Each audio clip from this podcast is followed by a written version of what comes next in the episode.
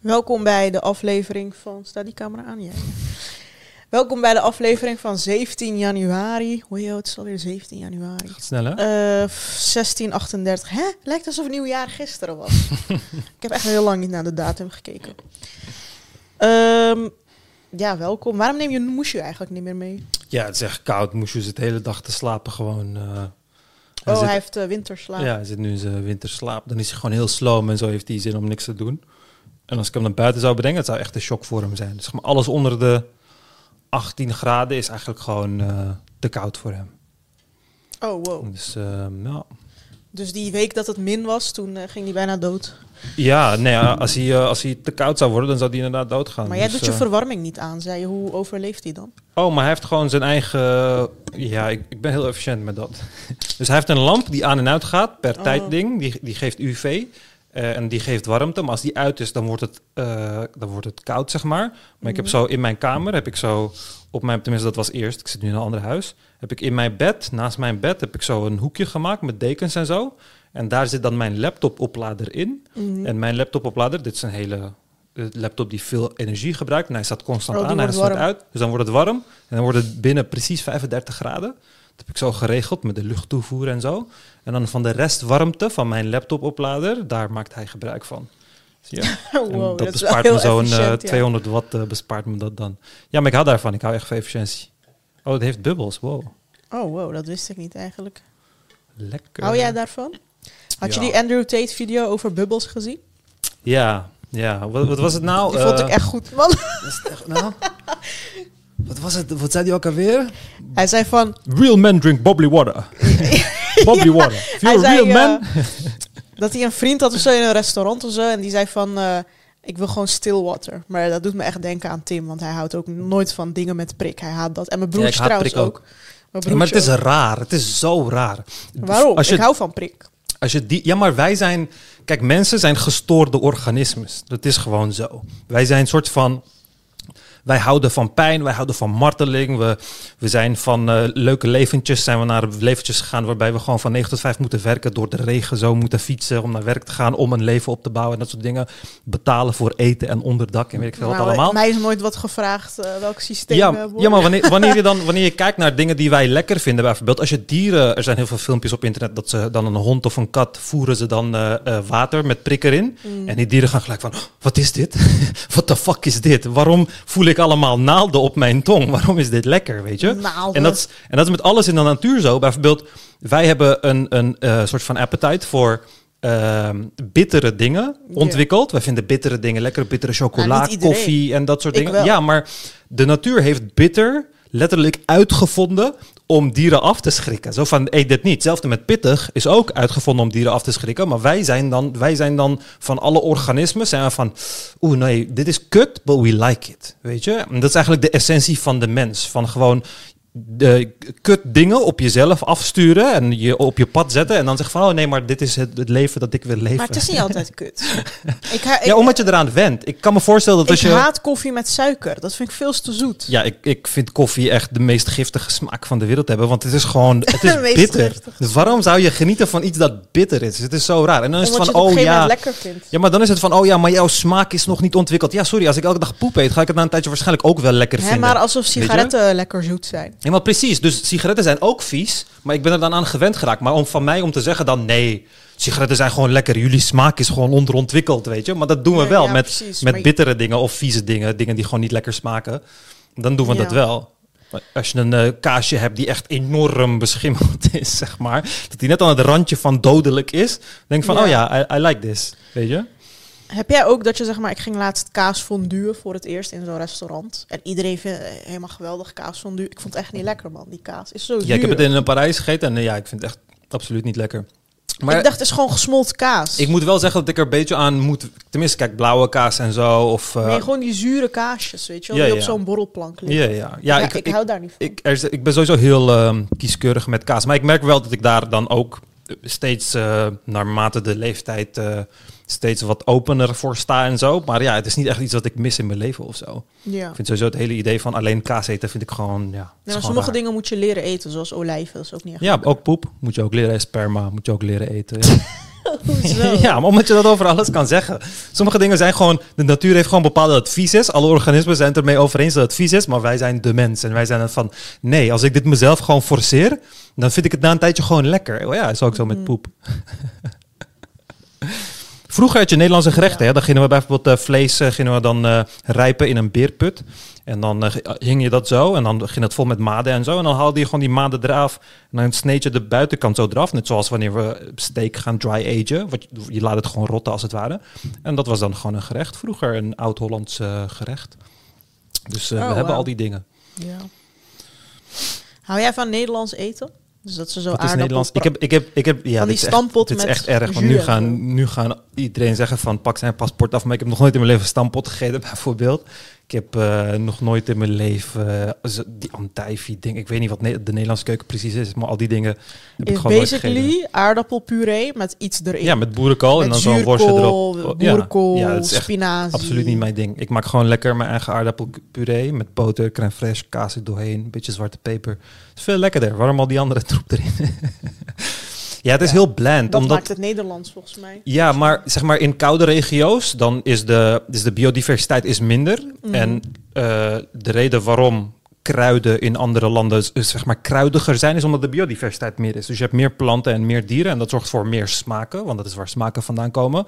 En in koudere landen, ja, dan moest je echt op dat soort dingen teren. Terwijl echt in IJsland of bij de Eskimo's en zo, dan leef je echt van, eh van walvis, blubber en eh, weet ik veel, zeehondlever en zo. Het zijn Ja. ook niet echt eh, appetizing dingen. Maar eh, ja, dat is gewoon een van de, de, de, de consequenties van in een koud land wonen. Maar sommige mensen vinden het echt heerlijk, hè? Die, Ja, ik kan me voorstellen. die, die, die, die kikken gewoon op... eh, maar ik denk dat het ook wel lekker kan zijn. Alleen voor mij is, is de keuken buiten Nederland, en dat is voor de meeste Nederlanders ook zo, is gewoon veel breder en zo. Veel meer mogelijkheden. Ja. En ehm, ja, dus dat, dat trekt je gewoon meer dan eh, een stampot. Maar als iemand een goede stampot voor me wilt maken, ik sta open voor alles. Maar Dus, kijk, eh, Nederlanders zijn langste mens van de wereld bijna. Dus, dus Ja. ze doen wat goed in Ja. het eten. Ja, maar ik weet niet of dat per se met eten te maken heeft. Tuurlijk wel. I- mm, ik, ja, ik, ik weet dat dus niet. Nederlanders eten echt gezond, man. Ja, kijk, ik heb gewoon, ik ben hier in Nederland opgegroeid, eh, geboren en opgegroeid. Ik heb, ik ben niet, ik, eh, heb, heb, heb niet van de Nederlandse keuken genoten. Er werd alleen Turks gekookt thuis, zeg maar. Ja. En eh, melk haat ik. Ik haat melk nog steeds. Dus het is ook niet van hoeveel melk wordt je lang of whatever.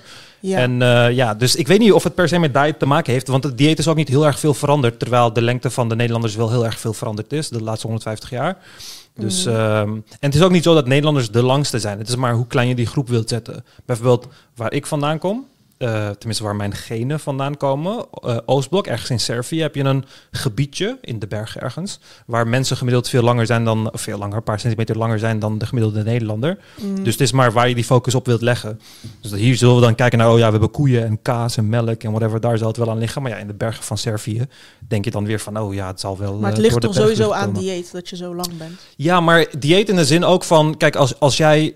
ehm, kijk, iedereen in mijn familie is, alle jongens in mijn familie zijn lang, behalve mijn broertje. En mijn broertje heeft gewoon een eh, de moeilijkere, eh, ja, hoe zou ik dat zeggen, moeilijkere gezondheid gehad in zijn jeugd, in zijn beginjaren. Mhm. En hij is dan wat korter, zeg maar, dan de rest. Mhm. Eh, ik weet, by the way, niet of dat zo is. Ik heb mijn broertje al tien jaar niet gezien. Echt vreselijk. Maar, maar dan, dan zie je dat. Maar ik denk dat het veel meer te maken heeft met of jij let op de eh, nu- nu- nutritional eh, needs van een kind, zeg maar. eh, Vanaf een jonge leeftijd. Kijk, in Turkije voeren ze je gewoon, weet ik veel, kikkererwten met brood. Want in Turkije, in de oude garde, heerst gewoon het idee van je kan, leer, je kan leven, je kan teren op beetje brood, een beetje eh, rijst, weet ik veel wat. Maar hier is het echt van de laatste jaren, de laatste decennia, hebben we echt voortborduurd op van oké, dit is wat een kind nodig heeft. Je hebt speciaal voer voor kinderen. Dat is speciaal geformuleerd, zodat het alle eh, macro- en mic- micronutriënten die een kind nodig heeft bevat en dat soort dingen. En dan is het veel makkelijker om je genetische potentieel te halen. Dus ik denk ook dat als ik in Turkije was opgegroeid onder Turkse omstandigheden, met Turkse kennis, ik niet zo lang was geweest. Mhm. Terwijl de nieuwe generatie Turken nu een stuk langer zijn, omdat die ouders dan wel begrijpen van, oh, dit is vitamine, mineralen, bla bla bla. Ja, de meeste Turkse ouders, mijn ouders gelukkig wel, maar de meeste Turkse ouders weten niet wat de fuck vitamine zijn. Dat leren ze pas de laatste tien jaar.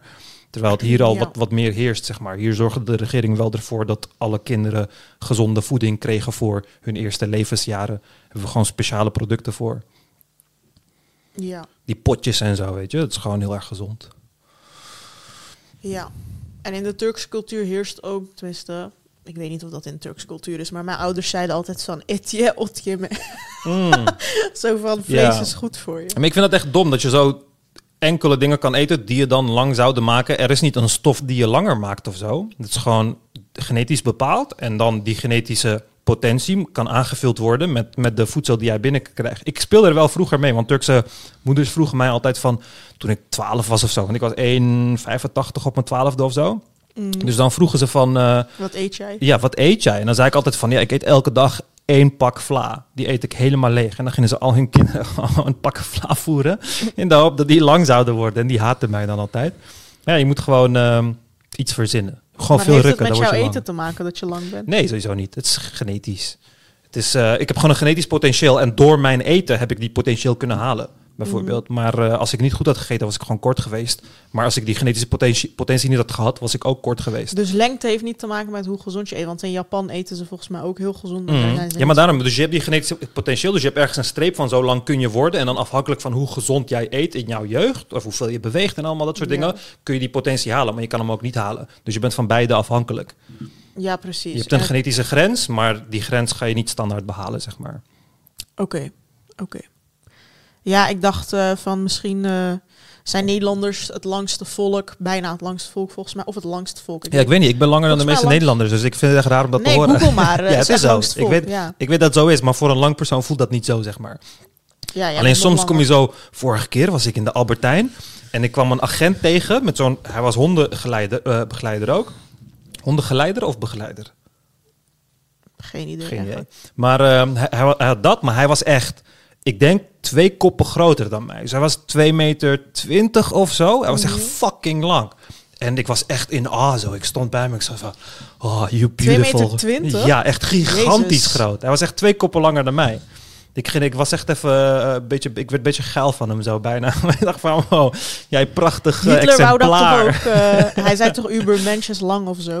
Ja, maar dan moet de wereld wel daarvoor gemaakt zijn. Kijk, bijvoorbeeld eh, de, de, de, de metro's en de bussen in Nederland hebben een hoger plafond. Bijvoorbeeld als ik in de metro hier uitstap, moet ik, hoef ik alleen dit te doen. Mijn hoofd alleen een beetje scheef houden, zodat mijn hoofd niet tegen de ding komt. Maar in Turkije moet ik echt zo mijn hoofd helemaal omlaag doen. Dus dan heb je gewoon een kutter leven. En in Turkije ook in hotels en in woningen, als ik ze huur, dan kan die douchekop nooit hoog genoeg dat ik hem gewoon kan blijven hangen. Want als ik hem hang, komt hij gewoon bij mijn nek, zeg maar, weet je. Het is gewoon eh, irritant. Die foto's op 9gag van eh, lange Nederlanders die in eh, China Ja, waren of zo. ja, Bij die telefoons. eh, Maar ik heb dat met al- alles. Bijvoorbeeld in de keuken. Ik haat alle aanrechten. Tenminste, de meeste aanrechten hebben zo'n standaard hoogte. En ik moet veel meer bukken voor zo'n aanrecht. Mm. Want die zou willen dat die gewoon op ellebooghoogte is. Zodat je gewoon makkelijk kan werken. Maar geen enkel aanrecht of bureau of whatever is voor mij op ellebooghoogte. Want het is allemaal voor veel kortere mensen gemaakt. Dus als we in een langere wereld zouden leven, tuurlijk. Maar eigenlijk zou het veel beter zijn als we met z'n allen kort waren. Mhm. Want dat zou zoveel energie besparen. Stel je voor dat we maximaal 1 meter werden. Mhm. Auto's zouden veel efficiënter... Zouden we gewoon in zo'n speelgoedauto... zouden we gewoon naar werk kunnen gaan. Als iedereen zo'n kleine speelgoedauto heeft... Oh ja. Weet je, ongelukken zijn minder, weet je. Het kost minder energie. Maak gewoon huizen met kortere plafonden zo. Je hoeft minder te eten. zou veel efficiënter zijn. Mm. Ik verbruik veel meer dan, eh, dan een normaal persoon. Omdat ik gewoon, ja... Meer eten, zwaarder. al- Alles is moeilijker. Dus kort zijn, korte mensen zijn efficiënter. En je hebt minder kans op kanker als je klein bent... dan wanneer je groot bent. Ja, want meer cellen. Hoe meer cellen, hoe groter de kans op kanker. Daarom als je dik bent of heel erg gespierd of lang, is je kans op kanker gewoon veel hoger. Want je hebt heel veel cellen die mogelijk kanker kunnen worden. Oh. Ja. Nou, ook weer interessant. Ehm, heb jij trouwens ooit gehoord van de blue zones in de wereld? Dat zijn zones Oh, waar ja, mensen ja. 100 worden plus. Mhm. 100 plus gemiddeld. Ja. Maar die diëten lijken helemaal niet op ja, maar heel vaak kijken ze op diëten, maar het heeft veel minder met dieet te maken. Maar het heeft voornamelijk te maken met hoe ouderen hun leven leven in dat soort gebieden. Want het zijn nooit steden, het zijn voornamelijk kleine dorpen. Ja, Sicilië in Italië. Ja, en je hebt geen, eh, dat, dat, dat, dat ik in Malta dus ook, je hebt geen bejaardenhuizen. Al die bejaarde mensen, ja, die wonen gewoon nog steeds in hun eigen huis. Mm. Die gaan gewoon wandelen, want het is, je kan gewoon wandelen. Het is gewoon lekker weer. Die gaan gewoon zwemmen met z'n allen. Vroeg in de ochtend staan ze voor de deur, lekker chit-chatten met elkaar. Hier doe je dat toch ook? Nee, maar hier, na een bepaalde leeftijd, dan raak je sociaal geïsoleerd. Want vooral als je in de grote stad woont, want je kan die tempo niet meer aan. En in een dorpomgeving is dat veel makkelijker. Mhm. En als de gemiddelde leeftijd ook hoog ligt in het dorp, wat in heel veel dorpen gebeurt, omdat de jongere generatie dan weggaat, dan heb je best wel grote sociale cohesie, je hebt grote sociale groepen. En dat is een van de belangrijkste dingen wat ervoor zorgt of jij lang gaat leven of niet. Dieet natuurlijk ook, maar met alleen dieet ga je het nooit redden. Je kan Mhm. eten wat de fuck je wilt, maar als jouw omgeving niet goed is, dan als jij je hersenen niet gebruikt, en geen frisse lucht en allemaal dat soort dingen, je gaat niet in de zon zitten, ja dan, eh, weet je, in een bejaardenhuis ben je gewoon langzaam aan het creperen eigenlijk. Ja. Wat ik dan niet snap, in Turkije en Marokko heb je ook dorpen waar ouderen, weet je wel, dat kunnen doen. Maar Ja. dat zijn geen blue zones. Ja, maar over het algemeen zijn de diëten slechter.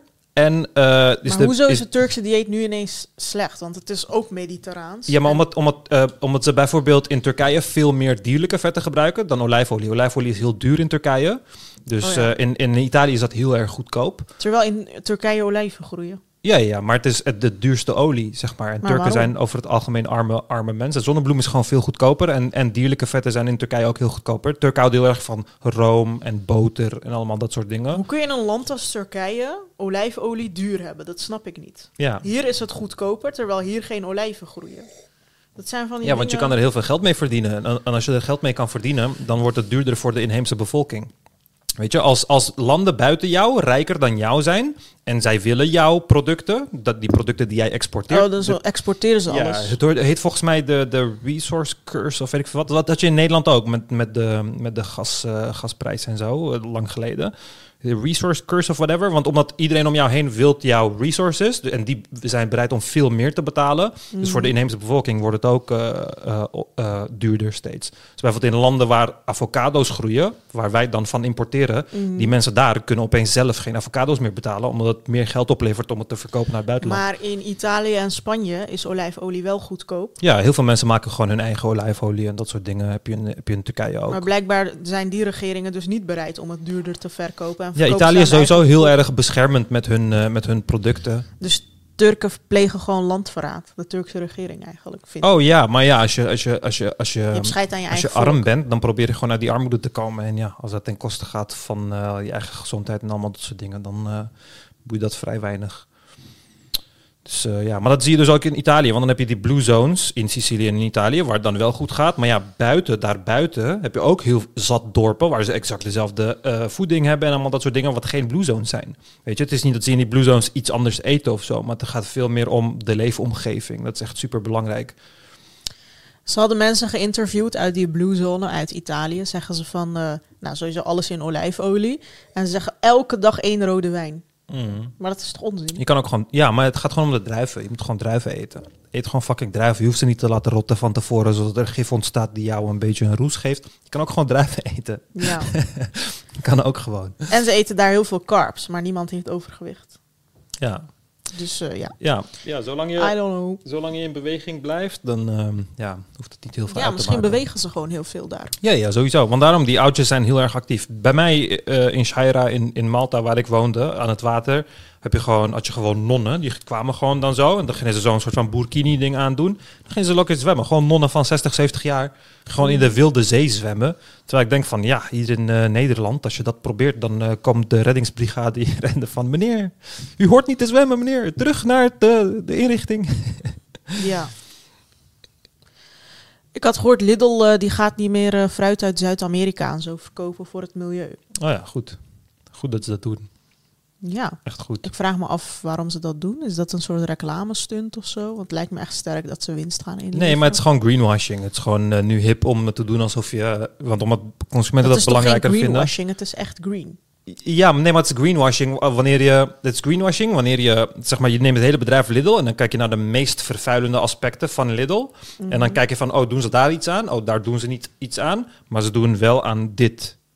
i- ze doen hier wel iets aan, weet je? Van, oh ja, we gaan niet meer uit Zuid-Amerika eh, importeren. Dan is dat gewoon greenwashing, omdat je, de, de, omdat je het niet doet voor het milieu. Want als je het voor het milieu zou doen, dan zou je eigenlijk Mhm. de grootste vervuilende... Misschien doen ze dat al, we weten het niet. Nee, maar het is puur, het is een bedrijf. En van een bedrijf weet je waarom ze het doen. En dat is gewoon, de consument vindt het belangrijk. Dus ze gaan mee met wat de consument Kan een belangrijk bedrijf vindt. geen idealen hebben? Nee, in een kapitalistisch systeem kan een, kan een bedrijf niet ethisch, niet volledig ethisch handelen. Omdat Hmm. geld voorop staat en daar gaat het uiteindelijk om. Oh. Nou, er zijn vast wel goede bedrijfs. eh, Ja, ja, maar je kan ethisch handelen, maar niet volledig ethisch handelen. Want er, zullen, er komen waarbij... eh, want eigenlijk handel je ethisch, omdat de wet je dat voordraagt. Maar als er plekken zijn waar de wet nog niet eh, geschreven is, als het ware... dan ga je niet uit eigen ethiek dat toch anders doen... om zo je eigen inkomsten te verminderen. Want uiteindelijk gaat- draait het om inkomsten. Ja. Maar goed, waarom ik Andrew Tate en zijn bubbelverhaal goed vond. Ja, ik irriteer me echt aan mensen die zeggen van... eh, ja, dit ga ik niet drinken, want er zit een prik in. Want, even serieus, je gaat er niet dood aan of zo. Ja, maar het voelt gewoon kut. Ik heb dat ook. Het voelt gewoon, ik, ik vind het gewoon niet chill. Ik denk dat dat ook een beetje door mijn ADHD komt en zo. Want ik heb vanaf, vanaf mijn jeugd al dat eh, ik bepaalde dingen gewoon meer voel en zo. Dus ik moest, als ik kind was, moest ik die etiket uit mijn t-shirts knippen en zo. Omdat het heel veel te veel jeukte. Echt? Ja, ik heb daar en- nooit last van. En alle impulsen, eh, of eigenlijk alle soort van eh, zintuigelijke ervaringen die dan te sterk waren, daar had ik altijd problemen mee. Zoals prik, pittig, allemaal dat soort dingen. En eh, dus ik altijd, als ik iets met prik vind, dan schud ik die hele fles. En dan open ik het, dan weer schudden. En dan weer openen tot de prik weg is. En dan drink ik het. Cola zonder prik vind ik veel lekkerder dan eh, met prik. Oh mijn god. Je bent echt de enige Ja. volgens mij. Ja, maar het is gewoon ruit. Hé jongens, kom, we gaan een broeikasgas in ons, eh, in ons water pompen. Zodat het kleine prikkeltjes geeft op onze tong. Ja, maar je doet alsof het pijn doet. Gewoon, Ja, als je het snel drinkt, doet het pijn. Probeer iemand eens... eh, kijk, ik kan, ik kan dit glas in één keer leeg drinken. Probeer dat eens met, eh, met prik. Kijk wat er gebeurt. waarom zou je het snel drinken? Ja maar, dat, ja, maar waarom zou je het niet snel drinken? Weet je, als je er iets aan toevoegt wat ervoor zorgt dat je het niet snel kan drinken... ja, dan is dat toch, toch wel een negatieve toevoeging, denk ik. Oké, oké. En ik had nog één vraag over die, eh, eten. Heeft dat invloed op hoe je ruikt en zo? Want ik heb zeg maar... eh, Mhm. Ja, maar ik ga dat niet uitspreken, want het is een beetje racistisch. Maar ik had ooit van iemand Oh, gehoord van... Indian mensen, dat ze eh, stinken en zo. Ja, hoe wist je Ja, ik kan het best zeggen. Ja, maar dat Het geldt... is niet mijn uitspraak, ik heb het gehoord. Ja, ja, maar wist je dat Indiërs daar helemaal niks van merken? Waarom? Omdat ze zijn opgegroeid in die omgeving. Net zoals een boer in zijn stal de poep niet meer zal ruiken. Mhm. Kijk, jouw hersenen proberen... ehm, Maar het heeft dus effect op hoe je ruikt, je eten. alle, iedereen, iedereen ruikt zoals ze ruiken door het eten dat ze eten. Alleen wij ruiken onszelf niet. Ja. Maar zwarte mensen ruiken witte mensen. Hoezo? Zwarte mensen ruiken witte mensen. Als jij in een zwarte omgeving bent opgegroeid zonder witte mensen en je komt in een witte omgeving, dan hebben witte mensen een geur. Tenminste in Nederland en zo, dan hebben ze een bepaalde geur. Oh. Je zult het niet bij allemaal merken, maar je zal het wel in een groot deel zul je dat merken. Maar witte mensen eten juist plain. Ja, maar alles wat je eet zorgt ervoor dat je op een bepaalde... Als je bier drinkt, heb je, is je lichaamsgeur... Ik elke vrouw vragen. Is je lichaam, als je veel bier drinkt, is je lichaamsgeur ook op een manier waarbij het gewoon normale Nederlandse vrouwen die gewend zijn aan die geuren toch opvalt van... hé, hey, jij ruikt op deze manier. Ik, als ik veel wiet rook en ik ga naar de sportschool, dan ruik ik naar wiet. Ook al heb ik drie dagen niet gerookt, als ik ga zweten, dan ruik je gewoon een sterke wietgeur van me afkomen. Ja, Ja, oké. Dus, eh, maar Dus wat kan je beter vermijden om niet te stinken? Helemaal niks, want alles wat je gaat eten gaat jou een geur geven. Alleen jij went eraan of jij went er niet aan. Dus afhankelijk van of die, eh, of die geuren nieuw voor jou zijn, zul je ze merken of niet opmerken. Dat is mensen die uit hun mond ruiken, die ruiken dat niet. Mensen, heel veel mensen die zweten, die ruiken dat niet. Weet je, dus je raakt er gewoon aan gewend. Want dat is hoe je hersenen werken. Als jij bepaalde impulsen constant krijgt, dan filtert je brein dat weg, zodat je alert blijft voor nieuwe impulsen. Dat is waarom je soms in de auto zit en dan heb je niet eens gemerkt dat je naar huis bent gereden. Want je hersenen filteren dat gewoon eruit, want het is gewoon standaard. Mhm. Dus dan, dan kan je letten op andere dingen. Of wanneer je een boer bent in een stal, dan ruik je de poepgeur niet meer, zodat je alert kan zijn of er, als er ergens een andere geur is. Want Ja. Het is niet belangrijk om de geur die altijd aanwezig is, constant te ruiken. Dus eh, ja, dat is hoe onze brein is. Wij ervaren nooit de hele realiteit. Maar daar gaan we allemaal afleveringen over doen, totdat iedereen een existentiële crisis gaat krijgen. gaat denken van, leef ik nog wel echt? Ga ik allemaal, ik heb allemaal leuke afleveringen in mijn hoofd daarvoor. Ja, ik heb een leuk verhaaltje. Ik kende dus iemand, ik ga niet zeggen wie die wc schoonmaakte op een station. ja. En die zei gewoon van, nou, als mensen van een bepaalde afkomst zijn geweest, dan is het gewoon een atoombom. ja. En als mensen van een andere afkomst zijn geweest, dan, is, dan ruik je niks. Oh ja, maar je bedoelt wc-geur. Kijk, wc-geur is wel sterk afhankelijk van het dieet dat je volgt. Dat 100%. Kijk, bijvoorbeeld mijn puffen stinken nooit. Oké, niet nooit. Maar als ik gezond ben, stinken mijn puffen nooit. Mm. Al mijn vriendinnen wilden het nooit zoals alle vrouwen. Willen ze niet dat je naast ze puft. En ik heb ze allemaal overgehaald dat ik naast ze kan puffen gewoon in het huis. Omdat het gewoon niet ruikt. Het ruikt gewoon niet. Dus eh, dat, dat heeft dan, eh, het heeft dan te maken met mijn darmflora en wat ik eet en weet, weet ik veel wat. Mhm. Maar ja, ik heb vrienden die, ja, als ze puffen, dan maak ik me gewoon op oprecht zorgen over. Het me het gewoon ruikt alsof ze aan het rotten Maar zijn van binnen. Zeg over maar. je gezondheid? over, over je, over je darmflora en het voedsel die je eet. Dus bepaalde voedsels die dus veel zwavelhoudende stoffen aanmaken bij afbraak, zoals Mhm. bonen en zo, die zullen gewoon veel meer stinken. Maar je kan ook bacteriën hebben die dan het juist op een manier afbreken waarbij je die stoffen niet hebt als, als Ja. eh, afbraakproduct. Dus jij bent gezond. Ja, mijn poep eh, is... hey, misschien moet ik dat als supplementen verkopen. Gewoon mijn poep. Zo van... eh, nu voor een verfrissend darmflora. Werkt dat dan? Als je jouw poep eet? Nee, maar wat je doet is je vriesdroogt het. En dan, want dat is een therapie, dat bestaat. Dus als jouw darmflora kut is... Misschien kom je snel aan, misschien heb je darmproblemen, misschien stinkt het heel erg. Dan neem Als je je... snel aankomt, heeft dat dus ook met je darmen te Ja, maken. wat is hoe, hoe efficiënt jouw, jouw, ehm, jouw, jouw opname is, zeg maar. Mm. Dus ehm, dan kun je gewoon, dan neem je heel veel antibiotica en dan gaat, is jouw, wordt jouw hele darmstelsel steriel. En dan gaat een donor gaat dan poepen en dat gaan we dan eh vriesdrogen. Dan wordt het gewoon een poeder. En bacteriën kunnen dat gewoon overleven. Dan gaan ze gewoon in een soort van winterslaap. En dan slik je die poeptabletten in zo, proef je helemaal niks van. En dan eh, ja, heb je gewoon een sterker darmflora. Dan heb je een we poeptransplantatie. We doen het, je kan het doen. Maar voornamelijk alleen bij hele erge... eh zeg maar, het is vaak een last... Laten we zeggen, je hebt IBS, Irritable Bowel Syndrome. En dan eh probeer je allemaal medicatie uit. Dat werkt niet. En je probeert dat uit. Dat werkt ook niet. En dan op het einde, dan kun je eventueel gaan voor een poeptransplantatie. Maar het is nog Mm. vrij nieuw. Het bestaat pas volgens mij 20 jaar of zo. Oké. Maar ik wil het ook wel doen voor mensen hoor, voor de juiste prijs. Gewoon bij mij thuis. Nee, Nou, als je er je niks van proeft, is het helemaal prima. toch? Ja, ja, als je het op de juiste manier doet, dan proef je er eh, inderdaad niks van. Dan ben je van je darmproblemen af. Ja, ja inderdaad. Yes, we hebben kapot veel onzin geleerd. Ehm, Ja. ik wilde even aankondigen, wij gaan een nieuwe studio setting eh, krijgen. Oh ja. Daar zijn we nu mee bezig. Het wordt een andere kamer ook, dus deze achtergrond en zo gaan we niet meer hebben. Ik wil zeg maar zo'n setting, ik, eh, ja, Forum, Forum Insight neem ik als voorbeeld.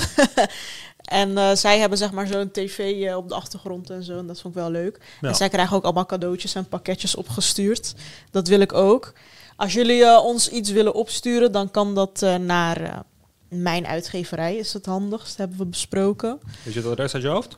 Ja, Herengracht 48 Amsterdam. Uitgeverij Prometheus. Eh, ik denk niet dat we- 1015 BN van bekende Nederlander Amsterdam. Ja, en ik denk niet dat we duizend pakketjes per eh, week krijgen Nee. of zo, dat ze gaan klagen. Dus eh, ik denk dat het wel goed is zo. En, Alsjeblieft, geen bommen, geen giftige stoffen en geen poep. Bij voorbaat dank. ja, daar was ik ook een beetje bang voor. Of zo levende, zo'n dode muis of zo, Ja. weet je wel. Oh, oké, nu breng ik mensen op ideeën. Ehm, dus dat gaan we doen. En bij Forum Insight doen ze ook zeg maar live chatten. En dan kan je superchat sturen met eh, als je een kleine donatie doet, dat soort dingen. Ja. Ja. werkt wel goed, want dan lezen ze gewoon alles voor wat ze live krijgen. Ja, Lijkt me een goed systeem. Ik wil gewoon zoiets opbouwen, lijkt me echt leuk. ja. oké. Ja, doen. dus ik heb de tafel en de stoelen nu besteld. TV ga ik nog bestellen. En dan kunnen we op zich wel gewoon beginnen, toch? Dit hebben we Ja. allemaal al. Ja, Hebben we nog een wat beetje een nodig? de- decoortje maken gewoon. Ja. En dan, eh, Hebben jullie tips voor een decor? Wat willen jullie op de achtergrond zien? Eh, laat dat maar even weten. ja. Ehm, ja, verder. Ik ben dus niet naar Mexico gegaan. Nou, ik wil er eigenlijk niet eens over praten. ik heb geen visum gekregen voor Amerika op de een of andere manier. Daar kwam ik laatste moment achter, één dag van tevoren. Ik had geen annuleringsverzekering. Dus ik heb tickets en hotels voor niks geboekt en betaald. En ik kon er niks meer aan veranderen. Eh, ik had in New York eh, een tussenstop. Vandaar dat ik een visum voor Amerika nodig had. Maar dat is geweigerd op de een of andere manier. En we weten ja, niet de reden. Jij denkt omdat ik een Turks paspoort heb. Maar ja, dan denk ik van ja... Denk je dat niemand met een Turks paspoort Amerika binnenkomt of zo? ja, ik weet het niet. Dus het is een beetje ja, gek verhaal. Het staat waarschijnlijk gewoon ergens op de lijst. Is er iets, is er iets wat je ons wilt vertellen, Lale? ja, blijkbaar. Ik weet het niet. Ik moet ook met consulaat gaan bellen. Ik denk zelf, omdat ik in de New York Times heb gestaan met eh, het verhaal dat ik dreigementen kreeg en weet ik veel wat, dat soort dingen. Dus ik denk, Ja, maar ja, kijk, Ayaan kreeg ook gewoon een visum. Ayaan kreeg le- letterlijk een verblijfsvergunning. Dus ja, ja. waarom zouden ze jou geen visum geven? ja, maar het kan ook iets simpels zijn als dat je gegevens niet correct zijn ingevuld. Ja, gewoon een fout zou ook kunnen. Ja, maar ja, het kutte is dat ze geen verklaring geven, dus ik moet er even nog achteraan. Maar ik had afgelopen tijden was ik zo depressief dat ik er niet ben ach- achteraf ben gaan. En lesje geleerd voor iedereen. Doe altijd een wijzigingsverzekering of een annuleringsverzekering. Vooral als je zo'n dure reis hebt. Of naar een kun je die hotels niet annuleren dat je het geld terugkrijgt. Nee, ze zeggen gewoon wij doen geen refund. We kunnen wel een voucher geven, zeggen ze. Voor een Lijp. andere keer. Dus eh, dat hebben we maar gedaan. En dat is niet eens bij allemaal. Maar dat dus. Ehm, om mezelf een beetje te troosten, heb ik mezelf een eh, Londen reis cadeau gedaan van vier dagen. Dus als jullie tips hebben voor Londen, ik hoor het graag. Ehm, het is daar niet echt eh, mooi weer. Het is ook niet te vergelijken met Mexico. Maar ja, je moet wat in het leven. Ga Ja. jij nog weg trouwens? Je zei dat je in januari weg zou. Ja, ik wilde weggaan, maar uiteindelijk ging ik verhuizen en zo. En toen dacht ik, eh, eerlijk, de laatste paar dagen, want ik, het regent zoveel. Kijk, ik ben naar een nieuwe buurt verhuisd. ik woon nu in Haarlem en zo. En dan eh, dacht ik van, ik wil de buurt verkennen, leuk parkje, dit en dat. En het heeft alleen maar geregend. En het heeft zo'n groot effect. Ik denk van, wat moet ik doen? Wat de fuck moet ik doen? Ik ga gewoon naar de supermarkt. Ik ben helemaal nat geregend. en eh, ja, dus ik dacht van, ik wil wel weg. En ik keek naar het nieuwsbericht. En ik zie gewoon anderhalve maand gaat alleen maar regenen.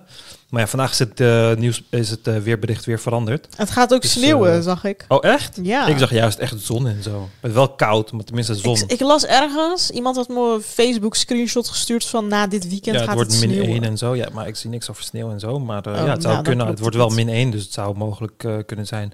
Dus de winter is helemaal opgeschoven, hè? Joh, wordt het weer echt, min eh, 1. Top. Ja. Maar wordt ja. het nou warmer of kouder? Nee, het, het schuift gewoon allemaal op. Weet je, we hebben een hele warme nieuwjaar gehad. Het was op sommige plekken 17 graden tijdens het nieuwjaar. Oké, dus nu komen de En koude nu dagen. is het min 1, min 1. Ja, het is gewoon helemaal uit balans. Maar jij gaat niet meer Het is weg. gewoon helemaal uit balans. Nee, ik, eh, ja, waarschijnlijk niet. Misschien. Ik weet het niet. Ik weet dat niet. Ik weet zulke dingen niet van tevoren. Ik kan niet van tevoren zeggen. Ik kan alleen een dag van tevoren zeggen van, yo, ik ga morgen weg. Maar ik, ik doe niet aan plannen en dat soort dingen. Daar ben ik allergisch voor. Dat kan ik Nee, maar, niet. zeg maar ook als je een dag van, van tevoren gaat, dan... Je moet toch zeg maar het plan hebben om weg te gaan? Of... Nee, nee. Hè? Dus jij zit gewoon op de bank en dan denk je, weet je wat, morgen ga ik. Ja, precies dat. Ik heb, ik heb letterlijk vijf, zes keer in mijn leven dat ik gewoon naar het vliegveld ging en dacht van, oké, waar ga ik naartoe? Ik dacht gewoon van, oké, ik wil weg. En dan stop ik gewoon wat troep in een koffer. Dan doe ik moesje onder mijn t-shirt en dan ga ik naar het vliegveld en denk van, oké, Mhm. dat is eh, waar ik naartoe ga. Ja, maar niet dat is als je ga. alleen bent. Als je met iemand gaat, moet je ook met die rooster... eh, Ja, maar wanneer ik met iemand ga, wanneer iemand met mij op vakantie gaat, dan raken ze helemaal gestrest. Vooral wanneer het mensen zijn die alles van tevoren plannen en onderzoeken en allemaal dat soort dingen. Ja. Maar dan laat ik ze, de, dan, laat, dan laat ik ze kennis maken met mijn manier van leven. Gewoon de wereld op je af laten komen. Je vliegt gewoon ergens naartoe. Kijk, ik ging twee jaar in Malta wonen. Toen ik naar Malta ging, ik had van tevoren niks. Ik wist niet eens de hoofdstad, waar het precies lag. Ik wist ergens in het water, ergens, weet je. Ik wist helemaal niks. Alleen het weer en dat ze er Engels praten. Dat is het enige wat ik wist. En dan laat je het gewoon op je afkomen. Dan kom je daar en denk je van, oké, wat ga ik nu doen? Ik ga dat doen, ik ga dat doen. En ja, als je in de problemen komt, dan zorgt dat voor ingenuity, zeg maar. Nieuwe ideeën, nieuwe mogelijkheden. Alles is, alles is mogelijk. Mm. En dan eh, krijg je gewoon een heel avontuurlijk en echt leven. En dan voelt het alsof je daadwerkelijk leeft. In plaats van dat alles geregeld is. Ik heb heel veel mensen echt zo wakker geschud op die manier. Dat ze denken van, wow, wow is dit hoe het leven voelt? ik hoef me niet te stressen. Weet je, ik stress nooit. Ik heb vandaag twee treinen gemist. Of ja, gemist. Twee treinen reden niet. En ik miste een halte omdat ik eh, midden in een discussie zat. Ja, ik stress gewoon niet. Ik maak me daar helemaal niet Wat eh, voor moeilijk discussie over. op de chat? Ja, ja, op de chat. Met Izzy over eh, van waarom het niet erg is dat hij zei het is niet erg als het ergens uitsterven en zo, bla bla bla. Maar ja, dat is de discussie voor een andere keer. Ja, dat hebben we trouwens live in de podcast ook besproken. Ja, en ik vond dat zo, sorry dat ik dat zeg, echt, het spijt me dat ik dat zeg, maar ik vond het zo'n domme uitspraak. Sorry, ik vind het echt zo'n domme uitspraak. Ja, het maakt toch niet uit, voor mij mag het tijger veel dat maakt toch helemaal niet uit. Ja, mag, dat mag je vinden, je mag domme dingen vinden, maar ja, het is dom. Ja, maar heel veel eh, mensen snappen niet eh, dat zo'n tijger een eh, schat... Ja, maar kijk, het irritante voor mij is dan als ik aan, aan andere mensen moet uitleggen van waarom het belangrijk is dat de tijger leeft, dan moet ik uitleggen waarom het goed is voor hun. Direct voor hun. Dan moet ik zeggen van, yo, maar we kunnen in een tijger dit en dit ontdekken, wat dan ervoor Ja. kan zorgen dat wanneer jij 70 bent, wil je van je reuma afhelpen of whatever. Ja. Weet je, en dat is niet de manier waarop het hoort. Weet je, dat is niet hoe je, als, als iedereen op die manier zou denken, dan zijn we de lul. Wij zijn hier omdat... Maar zo werkt het altijd toch? Mensen denken toch eerst aan niet- zichzelf? Dat is absoluut niet. Hertz, wat is zijn voornaam? Wat is Hertz zijn voornaam? Eh, Waarom zou men empathie tonen voor een diersoort die je letterlijk nooit in je leven ziet als gemiddelde Nederlander? Omdat het onderdeel is van een... eh e- één, je bent verwant. Het is letterlijk je achterneef. We zijn allemaal aan elkaar verwant, alle dieren. Eh, twee, het is Ik spreek onderdeel... mijn ouders niet eens. En met- ja. Twee, het is onderdeel van een gigantisch ecosysteem. Dus wanneer één dier uitsterft, sterven er honderden dieren uit. Want al die dieren zijn afhankelijk van elkaar. Weet je? En dan zijn de dingen die voor heel veel mensen niks betekenen. Bijvoorbeeld een flow die dan alleen voorkomt in de vacht van een motherfucking tijger. Maar ja, dat, dat soort dingen zijn speciaal, want dat is informatie. En om dezelfde reden waarom mensen pijn hebben wanneer een bibliotheek verbrandt, of de Mona Lisa verbrandt, of de nachtwacht verbrandt. Weet je, als ik zou zeggen van.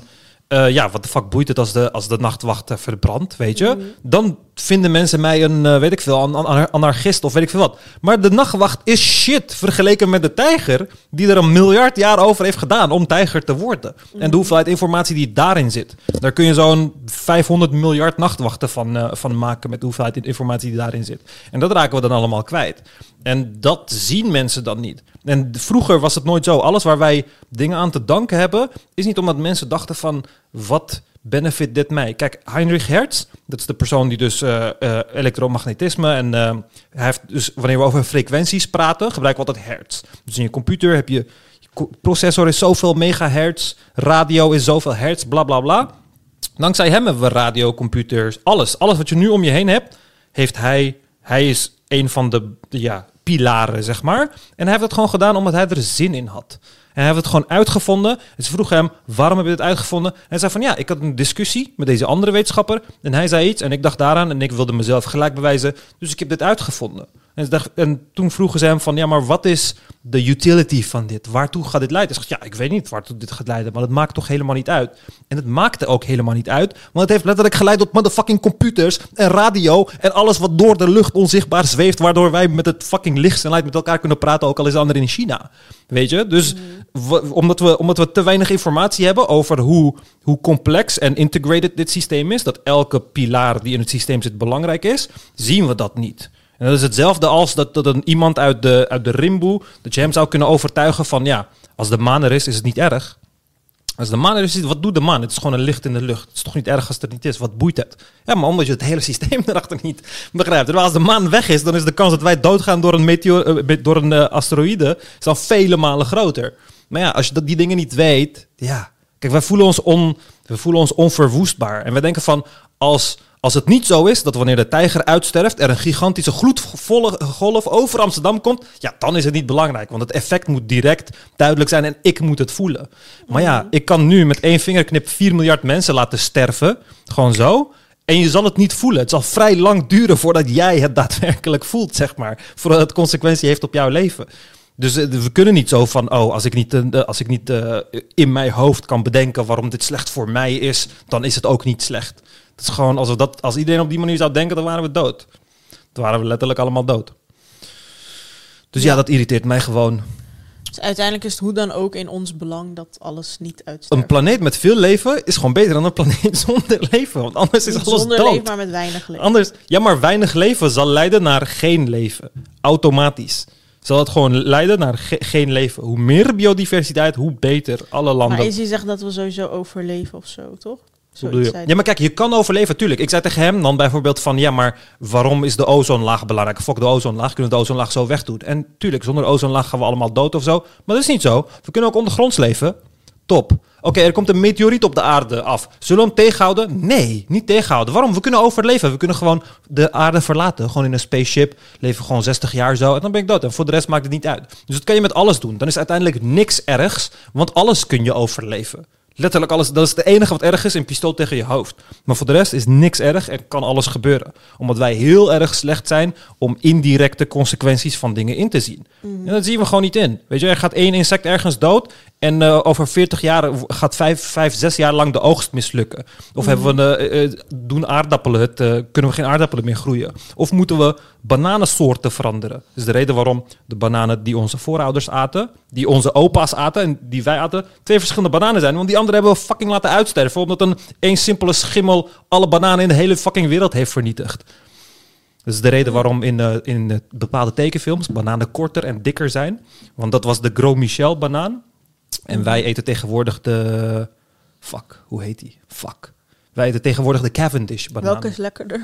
De Gros Michel is lekkerder, is zoeter. De banaan van Oh. nu, wanneer je die banaansnoepjes eet, die eh, van Haribo, die smaken naar een bananensmaak, maar een kunstmatige bananensmaak. Bananen smaken niet zo. Omdat die bananensnoep smaakt naar de oude banaan. die we Oh. vroeger aten. Die waren korter en dikker.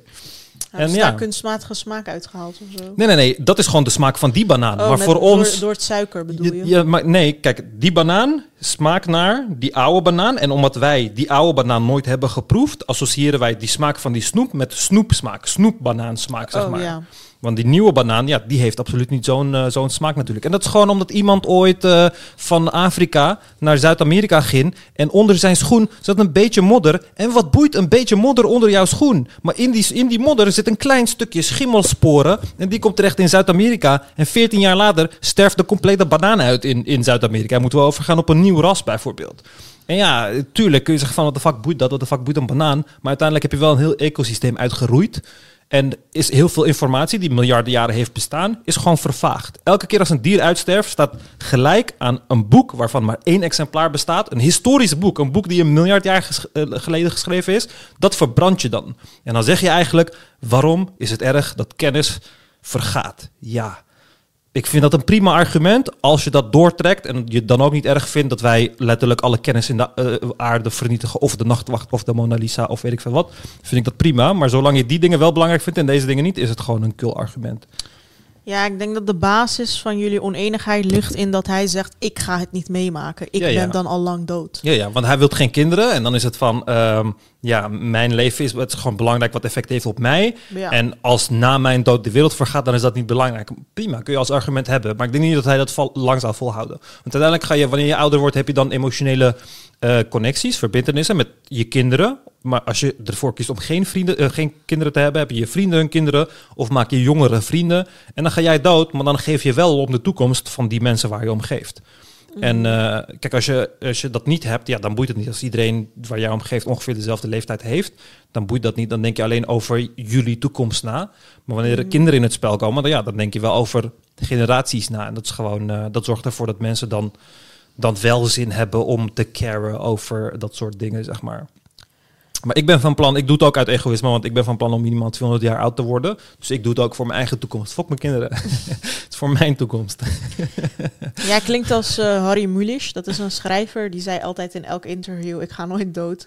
Ja, hij dood. ja, maar dat is dom. Dat is domme, ik ga nooit dood. Dat is zo van, dat is gewoon, ja, kijk, ik heb, ik heb letterlijk zoveel gene gedaan om niet eh, allemaal dingen uitgeprobeerd. Oké, ik weet niet of echt die dingen echt gaan helpen of zo. maar dan maar- zou je nu niet moeten verouderen, toch? Of?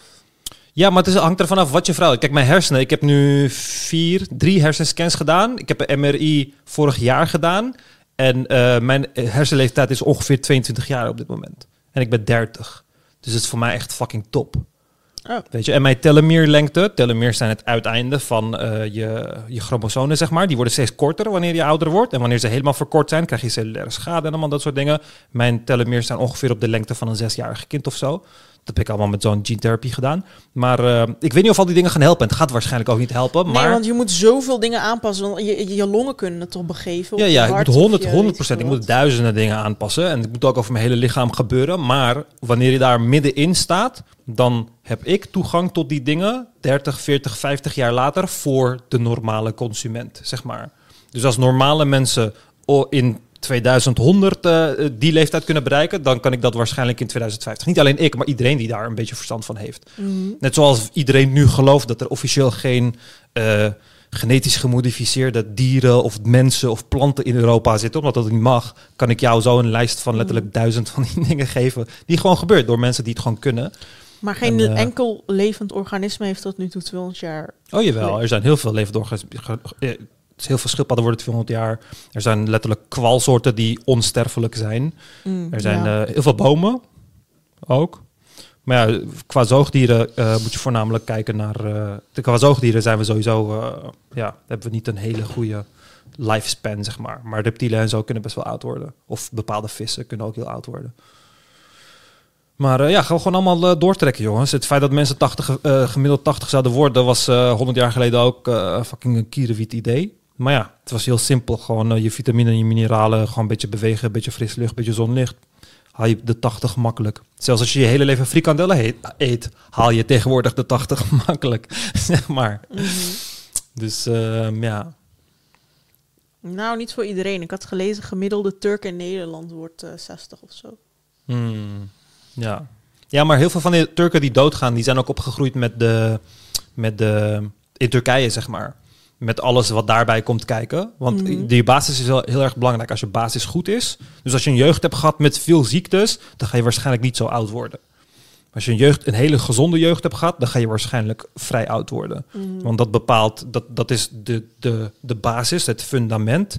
En vanaf daar wordt het alleen maar slechter natuurlijk. Dus hoe beter je fundament is, des te minder slecht je wordt. Maar ja, daar kunnen we allemaal dingen aan doen, jongens. Komt helemaal goed. Senolytics en zo is, eh, gaat heel ver, dus eh, komt allemaal wel. Oké, we gaan zien of jij 200 jaar leeft. Oh nee, jullie gaan het niet zien, want jullie gaan allemaal dood. Oh ja, klopt. Dat was ik even vergeten. ja. Nee, maar ik acht de kans vrij klein, maar klein in de zin van 20, 30 procent. Maar eh, ik acht wel dat die kans steeds groter ga wo- gaat worden. Want als ik de ontwikkelingen in de gaten hou en eh, kijk naar wat mogelijk voor mij is, dan eh, acht ik die kans wel steeds groter, zeg maar. Oké. We gaan het niet zien, maar nee, eh, jij gaat het helaas zien. niet zien. Ik ga het wel zien. Waarom zijn bananen trouwens zo goedkoop? Dat vraag ik me altijd af. Ja, het is absurd. Ja, eigenlijk vind ik bananen niet zo erg. Ik vind ananas voornamelijk heel raar. Want het, het duurt een jaar voor een ananas. En één ananasplant groeit één ananas. Oh, wow. Dus dan heb je gewoon zo zeg maar een, een vakje van 30 bij Ja. 30 centimeter. En dan een jaar later groeit daar een ananas. Eén ananas. Hoe de Ja. fuck kan dat? En dat kan voornamelijk door gigantische hoeveelheden bos met de grond gelijk te maken. En vervolgens daar hele goedkope arbeid neer te zetten. Ehm, vroeger met zweepslagen, tegenwoordig met eh eh, eh, En ananas loonslaven. is ook goedkoop. Ja, ongelooflijk goedkoop. 2 euro of zo. Ongelooflijk goedkoop. En we produceren er zoveel van dat een van de meest populairste geblikte eh, fruitsoorten is. Mhm. Of Appels blikken we nooit in. Waarom de fuck zouten we? Maar eh, we produceren zoveel ananas dat ik denk van jongens, hebben ze nu al volgegooid met verse ananassen. Laten we ook nog geblikte naar ze toesturen. En ja, het kost gewoon geen reet. Het is eh, helemaal nooit absurd. ananas. En dat vroeger was ananas, het was echt voor royalty. Mensen deden er alles aan om een ananas gewoon zo vers mogelijk met, met zo'n boot, met een zeilschip vanuit Mhm. Zuid-Amerika naar Engeland te brengen, zodat de koningin een ananas kon eten. Want het was gigantisch duur. Een tijd Wow. geleden hebben we ook in de archeo- eh, archeologie, in de architectuur, hebben we ook allemaal ananas, eh, hoe heet dat, stekels gebruikt als, eh, als inspiratiebron en zo. Zie je veel aan de bovenkant van koepels en zo. Dus eh was vroeger heel speciaal. En tegenwoordig is het gewoon ananas. Tegenwoordig, eh, vroeger kon je ze gewoon wijsmaken van ja, ananas, de hele dure, zeldzame vrucht, zorgt ervoor dat je penis langer wordt. Maar tegenwoordig zou niemand het geloven, want ja, het is gewoon ananas en iedereen heeft ananas gegeten, dus ja. Dat geldt ook voor meer. tulpen, toch? Ja, Eén tulp was, eh, ik weet niet hoeveel miljoen waard. ja, ja, ja, maar dat was meer omdat het een bubbel was, een beetje net als bitcoin. Maar ehm, ja, het is gewoon een gekte die dan ontstaat. Ik had op Wikipedia, het was zo bizar. Er Ja. was een of andere sultan die villa's had. Eén tulp was gewoon meer waard dan, eh, weet ik veel, 200 huizen of zo, zoiets. Ja, een beetje net als hoe één, één, eh, één zo'n bestand eh, op zijn hoogst zo'n 60.000 dollar waard was. en als je hem nooit in je hand kan houden zo, met als, net als eh, wat bij bitcoin gebeurd is. Mm, ja. Ja, ik kijk van niks meer op, weet je. Ik bedoel, eh, letterlijk van mijn jeugd naar nu zijn de raarste dingen gebeurd. Dat ik dingen ontdek op het internet, ermee speel, er honderden van heb. En gewoon tien jaar later zijn ze gewoon eh 100.000 euro waard. En is iedereen een miljonair van geworden. En weet ik veel wat allemaal. En eh, ja, al die dingen maak je gewoon mee in deze tijden. En eh, dat zorgt er wel voor dat je een beetje leert hoe de menselijke geest werkt. Dat we gewoon voornamelijk idioten zijn. Maar bitcoin is nog steeds populair, toch?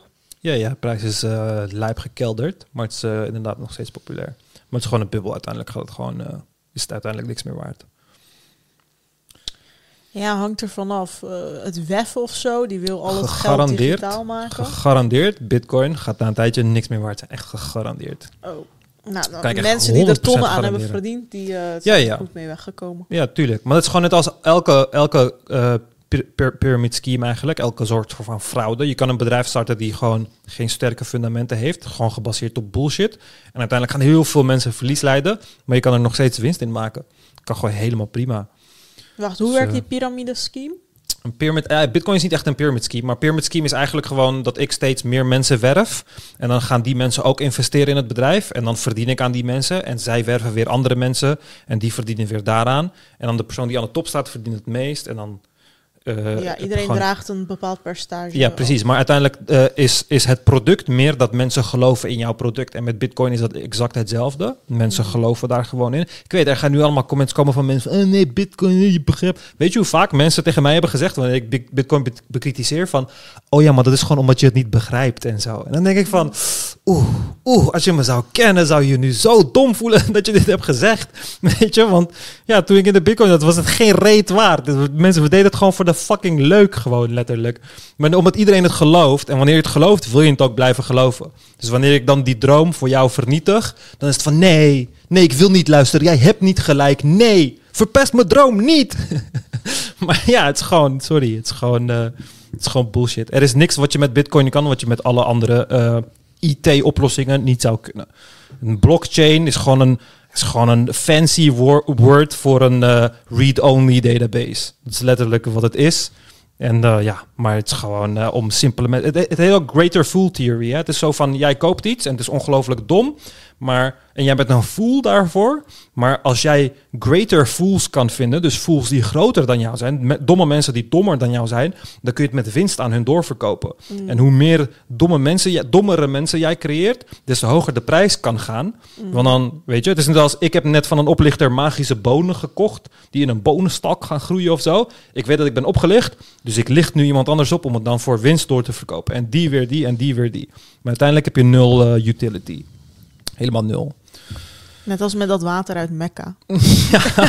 ja, exact. Exact eigenlijk. Ja. Ik heb dus zo'n vriend. Hij luistert soms de podcast, soms niet. Hij heeft eigenlijk scheid aan alle onderwerpen die wij bespreken. En dan zegt hij gewoon elke week: vraag eens alsjeblieft aan Ummer welke aandelen ik moet investeren. En ik denk elke keer van: denk je, Ummer is, eh, eh, heeft glazen bol of zo? Maar Ja, nee, ik heb wel ehm, met aandelen heb ik vrij goed verdiend destijds. Omdat ik gewoon, kijk, Tesla zag ik ver van tevoren aankomen. En Tesla is net zo ziek gegroeid als Bitcoin. Zag ik ver van tevoren aankomen. Want dat is het probleem ook. Kijk, dan ontdek je die dingen, dan is het nog onbekend. En dan ga je je duiken in, in dat wereldje van Tesla. En weet ik wat, denk van, oh, dit heeft veel potentie, dit gaat groeien en zo.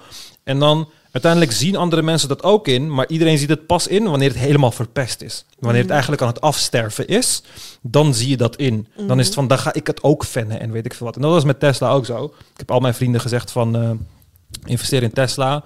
Iedereen heeft er vrij veel aan verdiend. Ik heb destijds heel veel van mijn vrienden letterlijk, want ik was 19 of zo, heb ik letterlijk op een speeltuin midden in de nacht, terwijl we jointjes aan het roken zijn, ga ik straatjongens uitleggen van ja, en er worden eh, zeg maar ha- hashes berekend met GPU power en dan krijg je een blok en een blok is 50 bitcoin en dat gaat later veel geld waard zijn, weet ik veel wat allemaal. En die mensen gewoon van hè, maar dus een computer maakt geld en daar kunnen we aan verdienen en weet ik veel wat. Maar ja, uiteindelijk had ik meerdere mensen overgehaald om minimaal 10 bitcoins te kopen. Dat is nu zo'n 2 ton waard. De- destijds was dat eh, een paar euro. Daar ik gewoon van kopen. mensen zijn rijk geworden door jou. Ja, Het gros ervan niet, omdat het gros ervan... Kijk, mensen gingen gewoon eh, eh, geld erin stoppen. En dan had ik zo'n app op hun telefoon gezet, zodat ze de prijs konden volgen en dat soort dingen. En dan ging de prijs halveren. En dan gingen ze gewoon verkopen, dachten ze, fuck deze bullshit. Maar je moet er gewoon niet op letten. Maar ik heb wel drie vrienden gehad die het, eh, het gewoon hebben gelaten. Eén daarvan door ongeluk, want hij vergat letterlijk zijn wachtwoord. Heeft hij later wel teruggevonden, gelukkig. En die hebben letterlijk hun huizen ermee voor een groot deel afbetaald. Wow. Dus ehm, ja. Maar daarom, mensen vragen mij dan van... Oh, yo, Ummer, heb je niet weer zoiets en zo? En dan denk ik van, ja... het- Maar wat heb jij eraan verdiend dan? Eh, ik ben het huis gegaan. Ik heb niet veel verdiend. Ik heb zo'n 80.000 euro verdiend toen ik 19 was. Daarmee ging ik uit huis. En voor de rest heb ik allemaal domme dingen gekocht en zo. Want ik was 19. Onder maar je andere- zag toch in dat het veel meer zou Onder andere drugs en zo. niet, eh, Nee, ik zag nooit in dat het 50.000 zou worden. 1000 Oh. euro, tuurlijk. Maar het 50.000, dat is fucking krankzinnig. Niemand zou dat weten. Ja. Ik, koop, ik, ik koop het niet eens. Ik mine het letterlijk met mijn computer. En met de computer van school en zo. Sorry school. Dankjewel voor het geld wel. Maar eh, met al die computers mine je zo een iets. Gewoon een digitaal iets van bewijs dat ik heb gemined. En dan is dat niks waard. En dan, ja, dan denk ik van tuurlijk, dit kan 100 euro worden. Of dit kan 1000 euro worden. Maar ja, 50.000 euro zal het nooit worden. En ja, dan wordt Het het is gewoon 50.000 per ongeluk euro. Ja, 50.000 euro wordt dan. Ja, maar omdat je uiteindelijk denkt dat het op een logische manier gaat. Maar de wereld is niet logisch en mensen zijn niet logisch. Dus uiteindelijk zul je geen logische prijs krijgen. Weet je? Dus eh, daar ligt een beetje het probleem. Maar dat kan je gewoon niet mensen nu in investeren? Heb je, een- heb je Oh nee, op dit moment zou ik echt helemaal in niks investeren eigenlijk. Oh? Maar omdat, ja, maar ik, ik ben, ja, maar je moet mij niet om investeringsding vragen, want ik heb in mijn leven misschien in, weet ik veel, 15 bedrijven of zo geïnvesteerd en dat zijn gewoon dingen die ik heel makkelijk zag aankomen. Weet je, Moderna en eh BioNTech heb ik in geïnvesteerd en eh, dat was heel makkelijk. Dat zag, heb je daar veel gewoon- geld aan verdiend? Nee, nee, niet heel veel geld.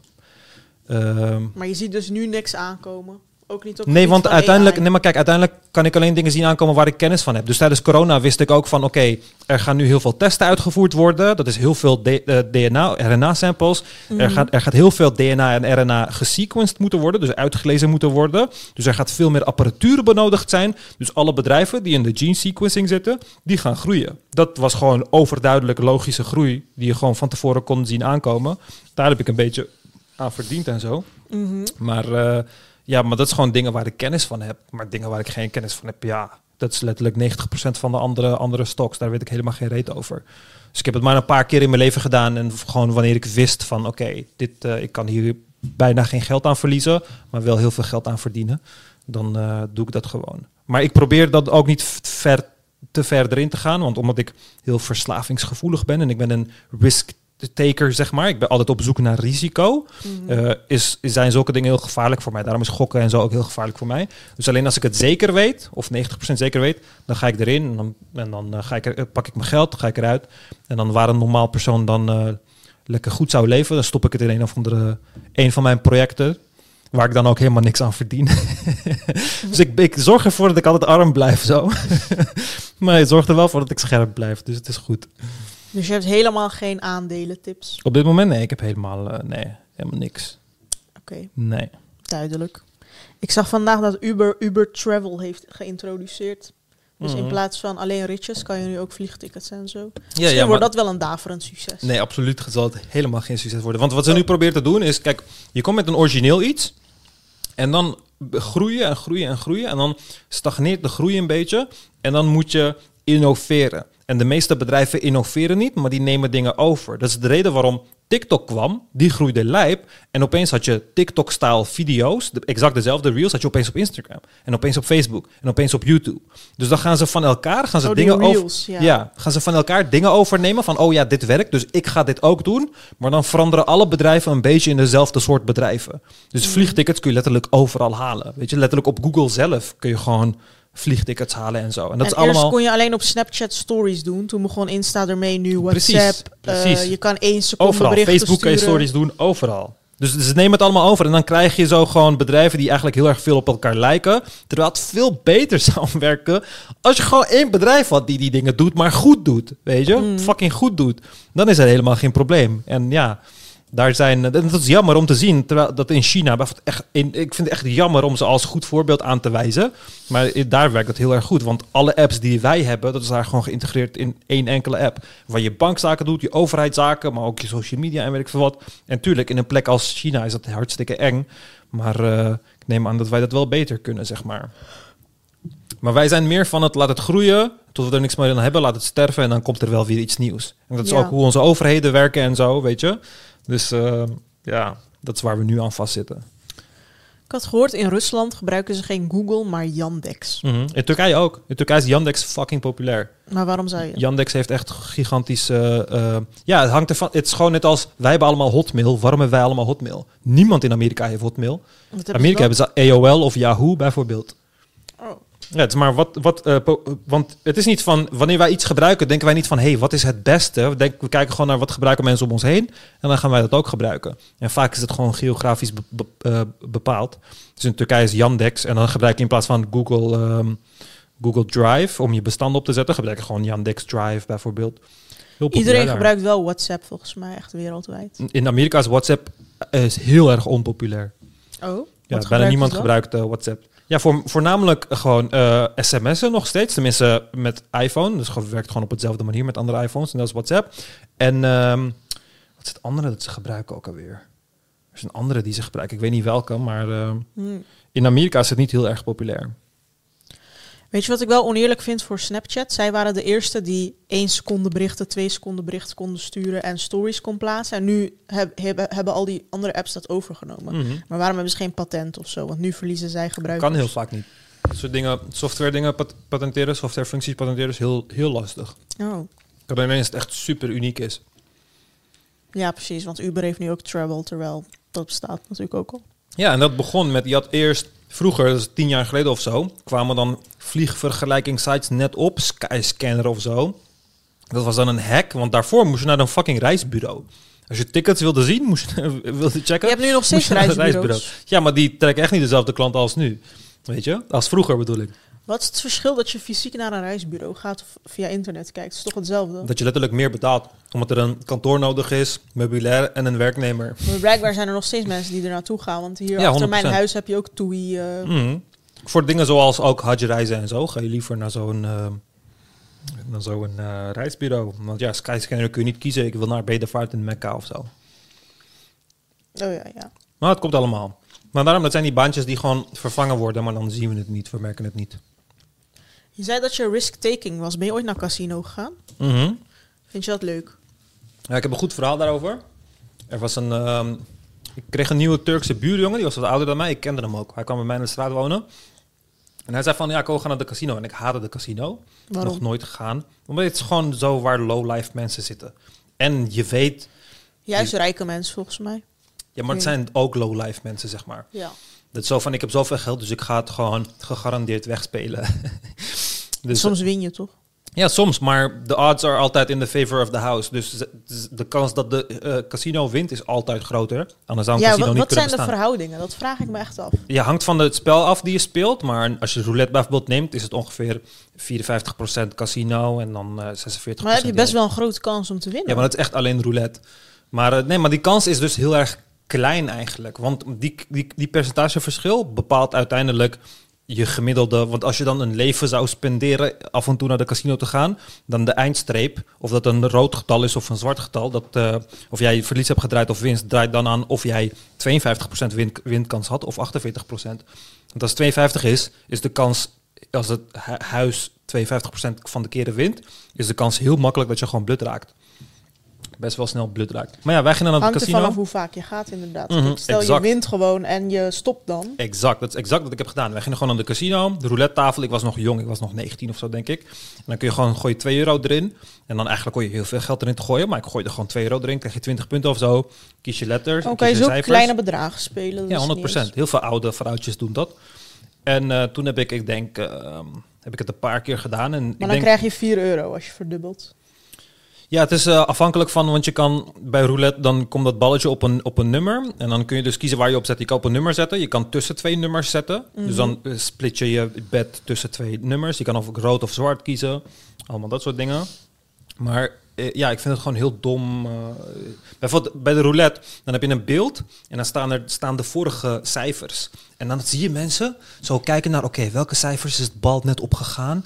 Oké, net was hij op 13, dus hij gaat nu sowieso niet op 13 vallen, dus laat me geen 13 doen. Maar dat is dus Terwijl onzin. dat onzin is. Wiskundig Compleet- gezien heb je gewoon elke keer Exact. kans. De bal weet niet van, oh, vorige keer zat ik op 13, dus nu ga ik niet op 13. Ja. Weet je? Dus het is gewoon elke keer eh, compleet anders. Maar dat doen ze expres om mensen dan gewoon ehm, eh, dat soort dingen te laten geloven en zo. Maar ik had een paar honderd euro gewonnen. Ehm, toen nooit meer gegaan. En dezelfde periode dat ik heb gewonnen, had die vriend van mij, of ja, vriend, gewoon een kennis. Hij had enorm veel geld gewonnen. Een paar duizend euro had hij gewonnen. En eh, ja, toen, eh, ging hij het uitcashen en zo. Dan komt er zo'n, omdat het groot bedrag is, dan komen ze zo langs. Uitcashen gaf hij ons allemaal nog geld, ging hij eens delen met ons, gaf hij ons 50 euro of zo. En eh, toen ben ik nooit meer naar de casino gegaan. En een paar weken later hoorde ik van andere vrienden dat hij nog steeds elke dag in de casino zit. Want hij heeft groot gewonnen. Dus hij gelooft van, ik ga dit, ik, I got this. Ik heb het, Of ik heb het geluk Ja. aan mijn zijde. ja, precies. Of ik heb het door. of ik weet heel vaak halen mensen, zich, halen mensen zichzelf over dat ze een systeem hebben ontdekt van, oh, ik heb het nu door. Ja, net als met bordspelletjes. Het is gewoon geluk. Precies. Ja, kijk, in, in een bordspel kun je nog wel tactiek zetten, maar bij gokken... Nee, je gooit een dobbelsteen. Ja, maar ja, ja, hangt van het bordspel, bordspel af sowieso. Bijvoorbeeld bij Monopoly speelt, speelt tactiek nog wel een rol of zo. Ja, oké, daarom. maar eh, en met bepaalde soorten gokken is het ook zo. Bijvoorbeeld poker is veel minder kansafhankelijk. Poker is het ook heel veel skill in. Hetzelfde met blackjack. Dat kan je nog een beetje, eh, Ja, ik, eh, ik ken dus die vriend Mehmet die heel rijk is geworden met poker. Of- Ik ken heel veel mensen, want in Malta is een gokeiland, daar zitten heel veel eh, professionele pokerspelers en zo. En ja, als je het kan, ik deed dat ook wel een ik vind het tijdje echt jammer dat ik dat niet kan. Lijkt me vrienden. Ja, wel ik kan, ik kan wel pokeren. Ik deed dat een tijdje met vrienden en zo. Maar ja, uiteindelijk hoorde ik van mensen van, eh, ja, hij gaat nog steeds naar de casino, dit en dat. En een paar weken later belde hij letterlijk bij me aan. Terwijl ik bij mijn ouders woon, ik ben een kind, je weet toch? Belde hij bij me aan van, yo bro, heb je niet een beetje geld? Ik ga naar cassie. Ik ga snel verdubbelen, ik breng het naar je terug, dit en dat. Alsof een garantie van- is. ja, maar in zijn hoofd Even wel. snel verdubbelen alsof je werkt. Ja, in zijn hoofd wel. En ehm, ja, toen zag ik dat ook gelijk. Dacht ik van ja, dat gaan we dus echt helemaal nooit doen. Maar daarom, ik weet van mezelf wel hoe ik. Ik ken mezelf heel erg goed. Echt, ik weet hoe ik op dingen reageer en zo. Dus daarin kan ik mezelf wel tegenhouden en zo. Dus eh, daarom, eh, daarom zeg ik ook, als ik niet slim was, was ik al dakloos. Dus gelukkig ben ik slim. En ben ik eh, niet dakloos. Ik denk dat de meest, eh, de, de, de meest hatelijke mensen voor mij mensen zijn die geld vragen schaamteloos aan anderen en dat meerdere keren Ik zou dat dag. nooit kunnen doen. Ik zou dus dat ook nooit, al, al moet ik elke dag brood met water eten, ik ga toch geen geld vragen mensen. Wij hadden ook zo'n buurman, hij viel mijn vader zo erg lastig. Elke dag op de, eh, op de deur kloppen en zo. Mijn vader dacht op een gegeven moment van, doe maar alsof ik niet thuis ben. Hij schaamde zich gewoon van, hij had elke keer 50 euro gegeven of weet ik veel wat, maar hij bracht het gewoon nooit terug. Ja. En dan denk ik echt van, hoe schaamteloos ben je? En dan elke keer weer vol overtuiging zeggen, ik ga het terugbrengen. Mhm. Nee, je brengt het niet terug. Dat hebben we de afgelopen twaalf keer gezien. ja. Maar die mensen ontberen psychisch echt iets. Nee, maar ze zijn gewoon zo diep gevallen dat het, dat het ze echt totaal niet meer boeit of zo. Ja. Weet je? Het is een beetje alsof je tegen een zwerver zegt van... hé hey jongen, je ziet er niet uit. Was even je gezicht en zo. Ja, het boeit hem niet. Hij slaapt op straat. Het boeit hem niet. Als je de bodem hebt bereikt, dan... eh, ja, Ja, maar kijk, bij drugs en zo snap ik het, want je lichaam tript letterlijk. Maar bij casino snap ik het Maar echt het is exact hetzelfde. Ik begrijp die distinctie dus nooit. Het is exact hetzelfde. Omdat er geen middel in je lichaam zit. Ja, maar wat doet een, wat doet een middel? Maakt je verslaafd. Ja, en wat doet een casino? Het maakt je verslaafd. Want die casino... Kijk, ja. Kijk, er is een verschil. Kijk, ik kan bijvoorbeeld, laten we eh, zeggen, ik kijk naar porno. Ik zet zo porno voor me en ik kijk naar porno en er gebeurt iets in mijn hoofd. Er, er Mhm. worden stoffen vrijgemaakt in mijn hoofd en dat geeft mij een gevoel. En dan voel ik me goed. Ik kan dat die exacte stof zou ik theoretisch gezien, die exacte verandering in mijn brein, zou ik theoretisch gezien gewoon een pilletje voor kunnen maken die exact hetzelfde doet. Want dat is wat pillen doen. Pillen veranderen de werking van je hersenen. En iets waar je naar kijkt, wat, wat, eh, wat jou anders laat voelen, dat verandert de werking van je hersenen. Maar wanneer ik die pilletje neem, dan is het opeens van, oh, maar dat is anders, want dat is drugs. Nee, het uiteindelijke doel is belangrijk. Als de werking, als de, als de uiteindelijke uitwerking, wat in, het, wat in het brein gebeurt, hetzelfde is, dan maakt het niet uit of het door een fysiek middel is gebeurd of door letterlijk eh, impulsen die je hebt gekregen door je ogen, of door omdat je naar iets keek of whatever. Het is gewoon even, het is gewoon precies even erg. Het kan net zo verslavend zijn, dan kan je leven net zo erg verwoesten. Ja, precies. Ja, oké. Dat is waar, dat is waar. Toto is trouwens ook heel verslavend. Het is maar dat Mhm. jij geen voetbal kijkt. Maar Ja, maar ik vind, ik vind het zo dom iedereen die dat doet. Ik vind het echt zo dom. ja, en dan, iedereen, dat maakt een wedstrijd kijken wel spannend. En als je vaak hebt gewonnen, dan heb je gewoon die prikkel. En het is vaak een laag bedrag, 30 euro of zo. Ja. Ja, doe gewoon, ja, ik weet, ik vind het zo dom. Doe gewoon dobbelsteen rollen. Kom, kom, wil je gokken? Kom naar mij. Gaan we gewoon het dobbelsteen rollen. Als je het goed hebt, krijg je van mij het dubbele. Als je het fout hebt, krijg ik het geld. Kom. Mm. Nou, precies Het is dezelfde gewoon odds. allemaal die risk-taking. eh, jij, jij zegt toch, ik hou van adrenaline. Ik denk dat dat Ja. adrenaline is. Ja, maar ik- hou niet van verliezen bijvoorbeeld. dus, eh, en voor hun is is het meer de spanning. Kijk, ik doe wel dingen als expres. Tenminste, niet expres. Maar ik doe wel dingen als... Ik zal nooit te vroeg komen bij een bus of zo. Het moet altijd op het nippertje zijn. Want dan als ik hem net niet haal of net wel haal... zorgt het voor mij gewoon voor een rush. En dan voel ik me zo levend en zo. Maar ik ga dat niet bij dingen doen die... eh, ja, mijn bloed kunnen laten raken. Of mijn gezondheid iets kunnen... Oké, bij mijn gezondheid doe ik het misschien wel. Met sommige kalmerende middelen. Maar... Ja, Ja. Ik, zou, ik zou nooit de grens zo ver opzoeken. En ik, ik ben heel, ik kan mijzelf ook niet, want altijd hebben die mensen iets van, nee, ik ben hier goed in. Heel veel vrienden van mij die Toto spelen, nee, ik ben hier goed in. Ik weet het gewoon, bro, vertrouw me. Ik weet gewoon, het gaat 2-1 zijn. Dan denk ik van, maar je lult. Je lult keihard uit je nek. Als het gebaseerd was op iets, misschien heb je een algoritme geschreven die de vorige matches heeft ge- geanalyseerd of zo. Begrijp ik je nog. Maar je zegt het alleen maar omdat je het vindt. Weet je, dat is dan, dat is dan een zo, ra- zo rare claim. En dat is gewoon dom. En ik, ik doe dat gelukkig veel minder. Mezelf voor de gek houden en tegen mezelf liegen. Ik ben gewoon eerlijk tegen mezelf. En ja, als ik fout bezig ben, pak ik gewoon het absurde ervan aan. Maar ik ga niet Mhm. eh, mezelf... eh, ik ga niet geld verliezen de hele tijd of zo. Het is gewoon dom. Dus je zou nooit meer naar casino gaan of zo? Oh nee, natuurlijk niet. Want ik ben naar een casino gegaan en ik heb gewonnen. En voor de rest van mijn leven heb ik gewonnen van de casino. Van die ene keer. Ja, die hele casino, die miljardenindustrie. Ze wilden mij naaien, maar ik heb hun genaaid. En het maakt niet uit hoe En als klein jij het is. doorgaat, hebben zij jou genaaid. Precies, precies. En voor de gros van de mensen heeft de casino gedraaid. En dan zeggen, zeggen die mensen, dat zijn vooral rijke mensen die dan naar Las Vegas gaan, duizenden euro's verliezen. Zeggen van ja, maar het is gezellig. En ik heb daar gewoon mijn whisky en mijn vrouwtje naast me. En het is gewoon gezellig. Het doet voor de gezelligheid. Nee, je wilde winnen. Je ging een wedstrijd aan, een domme wedstrijd. Je wilde winnen en je hebt verloren. En nu praat je het goed met, oh nee, maar het is ook gezellig en leuk en weet ik veel wat. Dat is wat er gebeurt. Weet je, want mensen hebben niet de ballen om te zeggen van... oh, ik ben dom geweest en ik heb een domme zet gedaan... en het heeft me in mijn kont gebeten en ik ga dit niet meer doen. Want je wil het juist rationaliseren van... nee, ik doe het voor de gezelligheid. Nou, geef mij het geld, ik geef je gezellige tijd. Kom, kom, geef mij het geld. Ja, mijn neef is ook zo. Die is verslaafd aan casino. Ja. Zegt hij van... eh, als hij wint, zegt hij ik heb gewonnen. Als hij verliest, zegt hij ja, je moet toch leven. Geld ja, moet maar toch dat is het dan. Dat is, precies, dat is precies wat het is. Ik heb toch genoten, eh, weet je wel. Dat soort dingen. Dat, Dat is precies ze wat het praat gewoon alles voor zichzelf. Ja, maar dat is, een, dat is een psychologisch fenomeen. Want als jij denkt dat jij voor iets hebt gekozen, zelf hebt gekozen... en het heeft bijvoorbeeld verkeerd uitgepakt of goed uitgepakt... dan ga je het altijd beargumenteren. Er is zo'n test, een experiment die ze doen. Dan vragen ze aan jou, van zeggen ze... Lale, kies tussen deze mensen. Dan geven ze jou tien mensen... en dan moet je vijf van die mensen moet je zo uitkiezen... die jij wilt. Gewoon, eh, dan kies je bijvoorbeeld de blonde vrouw... in plaats van die brunette. Vragen ze jou waarom. Zeg je, ja, ze ziet er liever uit. Ze ziet er professioneler uit, bla bla. Kies je al die mensen. Dat zijn jouw keuzes. Je hebt ze gemaakt. Je hebt ze ge- beargumenteerd. En dan een paar weken later laten ze jou terugkomen. En dan zeggen ze van, dit zijn de vijf mensen die je had uitgekozen. En dan geven ze jou vijf andere mensen. Die jij niet hebt uitgekozen. Maar jij bent al lang vergeten wie je had uitgekozen. En dan zeggen ze, kun je opnieuw vertellen waarom je deze persoon hebt uitgekozen? En dan ga je beargumenteren. Dan moet je zeggen van, dan ga je zeggen van, ja maar ik, ik had destijds deze persoon uitgekozen. Omdat hij een professionele uitstraling heeft. Die er vriendelijk uit en weet ik veel wat. Maar je hebt nooit voor die persoon gekozen. Maar omdat jij... Maar ik zou omdat- dat wel weten hoor. Nee, maar omdat ze. Nee, de, de meeste mensen niet. Want ze doen het op een manier waardoor je het niet, niet weet.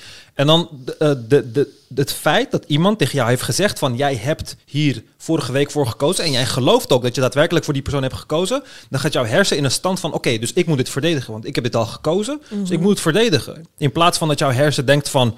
Oh, maar ik heb hier helemaal niet voor gekozen. Of misschien was dit toch een domme keuze. Dat doen we niet. We gaan het alleen verdedigen. Dat is hetzelfde in een discussie en allemaal dat soort dingen. Dan wanneer je in een discussie gaat, hou je een standpunt vast. En misschien geloof je daar na een tijdje niet meer in. Maar dat doet, gaat jouw brein nooit aan jezelf toegeven. Je gaat het verdedigen, want nu is de rol van jouw brein om dat te verdedigen. Maar dat heeft toch allemaal voordelen? Het voornamelijk nadelen eigenlijk. Want, Want eh, stel je, hebt, eh, je zit in een eh, huwelijk en je denkt, ja, ik vind eh, dat wijf van mij echt een zeikwijf. En eh, het geeft me elke dag hoofdpijn. Maar ja, eh, als ik met een andere vrouw ga, geeft ze me waarschijnlijk ook na een tijdje hoofdpijn. Dus ik ga niet klagen. Ja, maar dat, dat kan er wel voor zorgen dat jij bijvoorbeeld dingen doet als misschien zit jij heel lang in een relatie. Ik kan het beamen. Ik, ik zat tien jaar in een relatie. En na een tijdje denk je van, ja, deze dingen zijn wel kut, maar hè, ik heb er nu toch wel tien jaar in gestopt. Dus laat ik maar doorgaan. Ja. Zo erg is het toch niet, weet je? En nu straks moet ik helemaal opnieuw beginnen en dan is- pakt het slechter uit of weet ik wat. Ja. Dan ga je dat soort dingen krijgen. Maar het is dus heel moeilijk voor ons brein om gewoon eerlijk tegen onszelf te zijn. Want mensen liegen veel, maar het meest liegen we tegen onszelf. En ja, daar moet je gewoon een streepje voor zijn. Anders, eh, ja. Maar eh, ja, ik weet ook niet of dat goed is hoor. Want ik weet niet of mijn leven heel veel beter is dan... eh, het is wel spannender en veel leuker. maar ik weet niet of het een betere kijk op de wereld is. Maar in ieder geval heb ik wel gewonnen van de casino. En dat kunnen heel veel mensen niet zeggen. Dus ehm, ja. Hmm. Is er geen enkele vorm van gokken die jou in zijn macht gaat eh, krijgen? Of die ooit Mm, gaat doen? Nee. Oh, jij doet ook geen staatsloterij, ja? Oh, nee, natuurlijk niet. Want het is voor mij letterlijk kans breken van hoe groot is de kans dat ik het win. Letterlijk de Maar kans... er wint altijd iemand. Ja, maar de kans dat ik een tas vol geld win is veel groter. En daarvoor hoef ik niet eens mee te spelen. Ja, klopt. Ik zeg Ja. dat ook altijd. Want mensen ridiculiseren mij zogenaamd dat ik eh, vliegangst heb en zo. Want de kans is bijna niet heel. Maar diezelfde mensen halen een staatslot. Ja, De kans dat jij onder een vrachtwagen komt op de weg is vele malen groter dan dat jij die staatslot gaat winnen. ja. En heb ik ook nog een neef die er negen van haalt. Dan zegt hij, ja, ik heb kans negen keer. Maar dat is slim, want in plaats dan van dat de kans 0,0000001% is, is het 0,0000009%. Ja, Dat is een gigantisch verschil. En dan voelt het voor hun als ze echt de kans negen keer zo... eh, Ja. ja. ze hebben het ook negen keer zoveel, maar... ja, maar ook als je gewoon 40 jaar lang mee zou spelen, tuurlijk, er zal wel een bepaald moment zijn dat je een wat hoger bedrag wint, misschien een paar honderd euro. Maar als je dan even berekent wat je er tot nu toe aan hebt uitge- uitgegeven, want dat is het ook, gewoon vanaf de basis is het van, waarom zouden deze mensen jou een kans geven om geld te verdienen als zij er niet meer aan kunnen verdienen? Ja, Weet je? En van elke persoon in Nederland, van 99,99% van de personen op Nederland, hebben ze meer verdiend dan dat ze hebben uitgekeerd. Dat zal altijd zo zijn. Maar er doen echt heel veel mensen mee aan die eh, postcode dingen, man. Ja, Ik verbaas me er elke keer weer over. Dan eh, zie ik weer iemand zo'n lot kopen. En dan doen ze gewoon echt alsof ze gewoon broccoli kopen. Zo een standaard, weet je wel. En dan zeg ik, waarom koop je lot? Ja, ik speel al jaren met dezelfde cijfers. ja maar ze zijn ook heel erg... Het is gewoon heel normaal of zo. De, ik vind die hele organisatie, Postcode Loterij en zo, zijn heel erg... ehm, ja, hoe noem je dat eigenlijk? Ze zijn... Het zijn gewoon een soort van jagers. Het zijn hele medogeloze jagers. In de zin van hun reclame is ook van... Ik heb dat meegemaakt, omdat vriendin van mijn vorige huisgenoot... Die was daar ingevallen. Dan krijg je random zoiets van... Oh, een gratis lot of zo. Ja, ik krijg dat En dan, ook. en dan registreer je dat op het internet. En voor de komende maanden word je letterlijk doodgegooid met postcode loterijpost. Gewoon de hele tijd. En allemaal leuke kleurtjes. En grote bedragen aan de voorkant. Dit kan je winnen en dat kan je winnen. Ja, sorry. Maar het grote deel van onze bevolking is gewoon dom. En eh, die... De, ja, oké, dat is wel heel kut om te zeggen. Maar het is gewoon, die, die valt snel voor dingen. En diezelfde groep verdient ook veel lager. En dat is de groep die telkens aanpakt met die dingen. Die denken dan van, oh ja, ik heb, eh, weet ik veel, ik woon in een kuthuis en mijn kinderen en ik heb helemaal geen geld en weet ik veel wat allemaal. En ja, hier staat met hele grote letters 15 miljoen. Nee, maar ik snap het wel. Je hebt letterlijk gewoon... Sommige mensen doen gewoon 20 jaar dezelfde cijfers. ja. Je hebt gewoon een soort iets aan de horizon van ooit, misschien op mijn oude dag of zo, kan ik gewoon ineens onverwachts winnen of zo. ja, Het is gewoon. Kijk, net als wat jij zei ooit van mensen, arme mensen gaan de criminaliteit in, want ze weten ik ga nooit meer dan, van dan dit verdienen, Mhm. want je hebt letterlijk geen ander talent dan bijvoorbeeld eh, Ja. in de Albert Heijn werken. Ehm, en ja, in plaats van criminaliteit ingaan, ga je dan bijvoorbeeld staatsloterij spelen. Dan heb Ja, je een stip gewoon- aan de horizon. maar je kan ook gewoon, gewoon beide skippen. en ook gewoon in je hoofd denken van, oh ja, beide is een slecht idee. Hey, ik, heb, Ja, ik, heb, ik zit ja. letterlijk in de eerste periode, de eerste keer in de periode van mensen, van de geschiedenis van de aarde, dat ik alle informatie van de wereld beschikbaar heb aan mijn vingertoppen. Laat me eens iets, eh, iets eh, ja, maar daar moet je slim zelf voor zijn. Nee, nee joh. Weet je hoeveel domme mensen rijk zijn? Weet je hoeveel ongelooflijk domme mensen rijk zijn? Ja, Femke Louise. Ja, je hoeft echt niet slim te zijn. Ik bedoel, ehm, correlatie tussen slimheid en inkomen is niet heel erg groot. Niet heel erg groot. Wel grappig dat dat door heel veel mensen wel zo wordt gezien. Bijvoorbeeld Mhm. een keer had, zei ik tegen een vriendin van, eh, weet ik veel, dat ik Femke Louise dom vond of zo. Toen zei ze van, hoe bedoel je, ze is dom? Weet je wel hoe rijk ze is? En ze is pas 18 of zo. Toen dacht Ja, omdat, "Huh, maar mensen, omdat mensen geld equaten aan slimheid. En dan denk je van, dat is, ja, dat is, dat is dat?" echt Ja, dom. dan kan je ook niet zeggen dat Said van altijd Ja, maar dan- geslagen dom is. Ja, maar dan kun je als vrouw ook gewoon, als je gewoon een lekkere vrouw bent, dan kun je gewoon, ehm, eh, gewoon OnlyFans model worden. En het gewoon succesvol aanpakken en dat soort dingen. En dan ben je gewoon slim. Weet je? Dan denk ik van, ja. Ja, dan heb je het slim aangepakt, want je hebt geld. Ja, nou, maar ergens doe- klopt dat wel Ja, zo. maar wat is je definitie van slim dan? Want doe een IQ-test en ik eh, kan je garanderen... Oké, er zullen vast Ja. slimme vrouwen zijn die ook een OnlyFans aanmaken, begrijp ik. Maar in dit voorbeeld bedoel ik een dom persoon.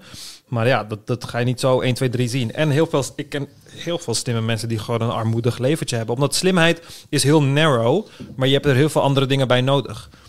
Ja. Kijk, bij, bij mij bijvoorbeeld, als ik dat hele ding niet had, dat ik steeds op zoek ben naar eh, vernieuwing en, en eh, nieuwe impulsen en weet ik veel wat allemaal, was ik gewoon gebleven bij het eerste bedrijfje dat ik startte toen ik 21 was. En dan had ik dat bedrijf weer 40 jaar lang gehad. En ik gewoon een comfortabel huisje, bampje, beestje gedaan. Gewoon met genoeg geld in mijn zak voor de rest van mijn leven. Alleen, Mhm. en dat zou veel beter zijn, dan was ik rijker ook. Alleen, ja, ik ben, ik ben wel slim, maar er komen heel veel andere dingen bij kijken, waardoor ik daar bijvoorbeeld niet naar op zoek ga. Zoals ik ken hele slimme mensen, letterlijk IQ 140, die gewoon postbode zijn. Zijn gewoon postbode. ja. Ja. Ja, heel veel mensen zouden jou ook als dom klassificeren. Oh ja, Puur 100%. omdat je Maar, maar da- bijvoorbeeld nog geen huis hebt of eh, weet Ja. ik veel. ja.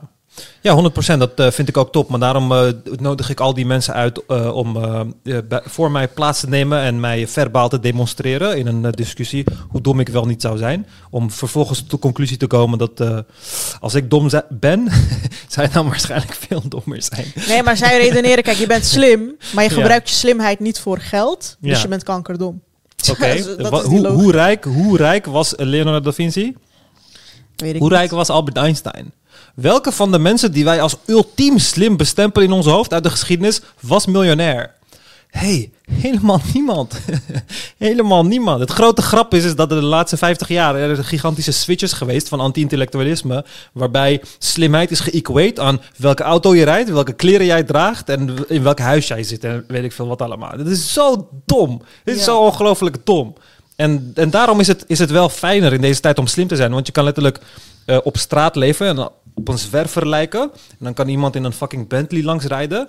Maar als jullie beiden een toets doet, is, een, weet ik veel, een IQ-test zou doen of zo, dan is die persoon kankerdom vergeleken met jou. Echt gigantisch dom vergeleken met jou. Maar hij heeft zijn Ja. leven op de rit en jij niet. Ja, maar hij heeft alles proberen te kopen. Maar het enige wat hij niet heeft kunnen kopen is intellect.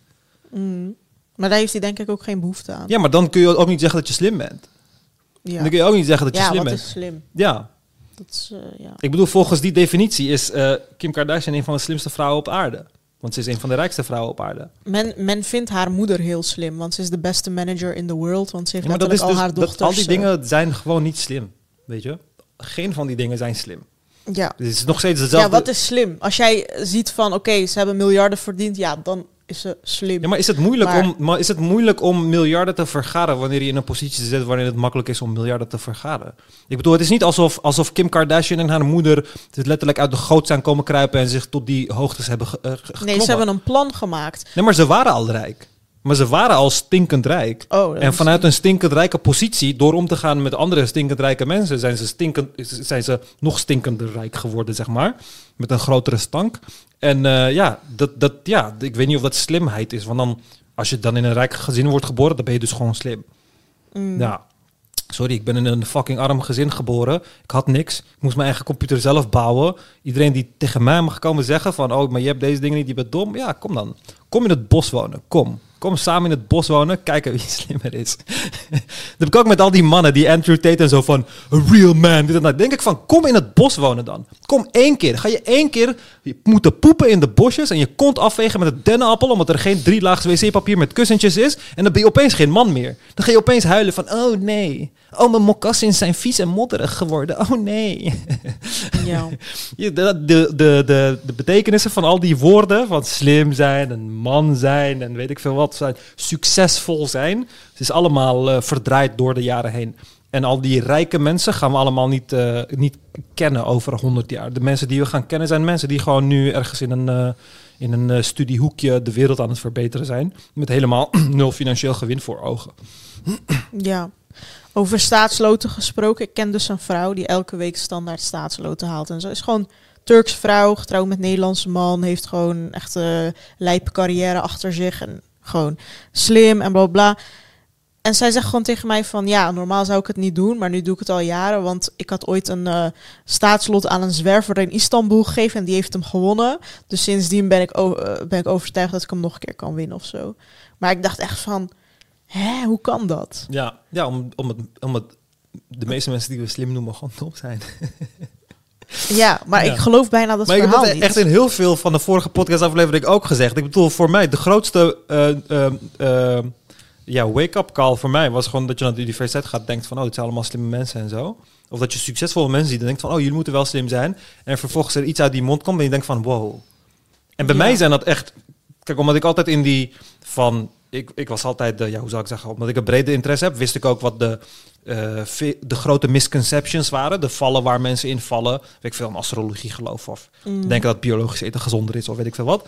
Dan herken je die dingen veel sneller. Zo'n domme uitspraak van zo'n vrouw waarbij jij van schrikt. Ik hoor dat dagelijks van zoveel verschillende mensen die dan gewoon hoge posities innemen in de wereld. Weet je, op het gebied van IT of AI of, eh, of, eh, Mhm. of, of eh, eh, wetenschap. Dan hoor je dat gewoon en ja, dan eh, kom je er wel al heel snel achter dat eh, het niet de beste zijn die de wereld aan het runnen zijn of zo. Het zijn gewoon mensen die daar zijn terechtgekomen. Het zijn niet de beste mensen die de rijkste mensen zijn. Ze zijn daar gewoon terechtgekomen.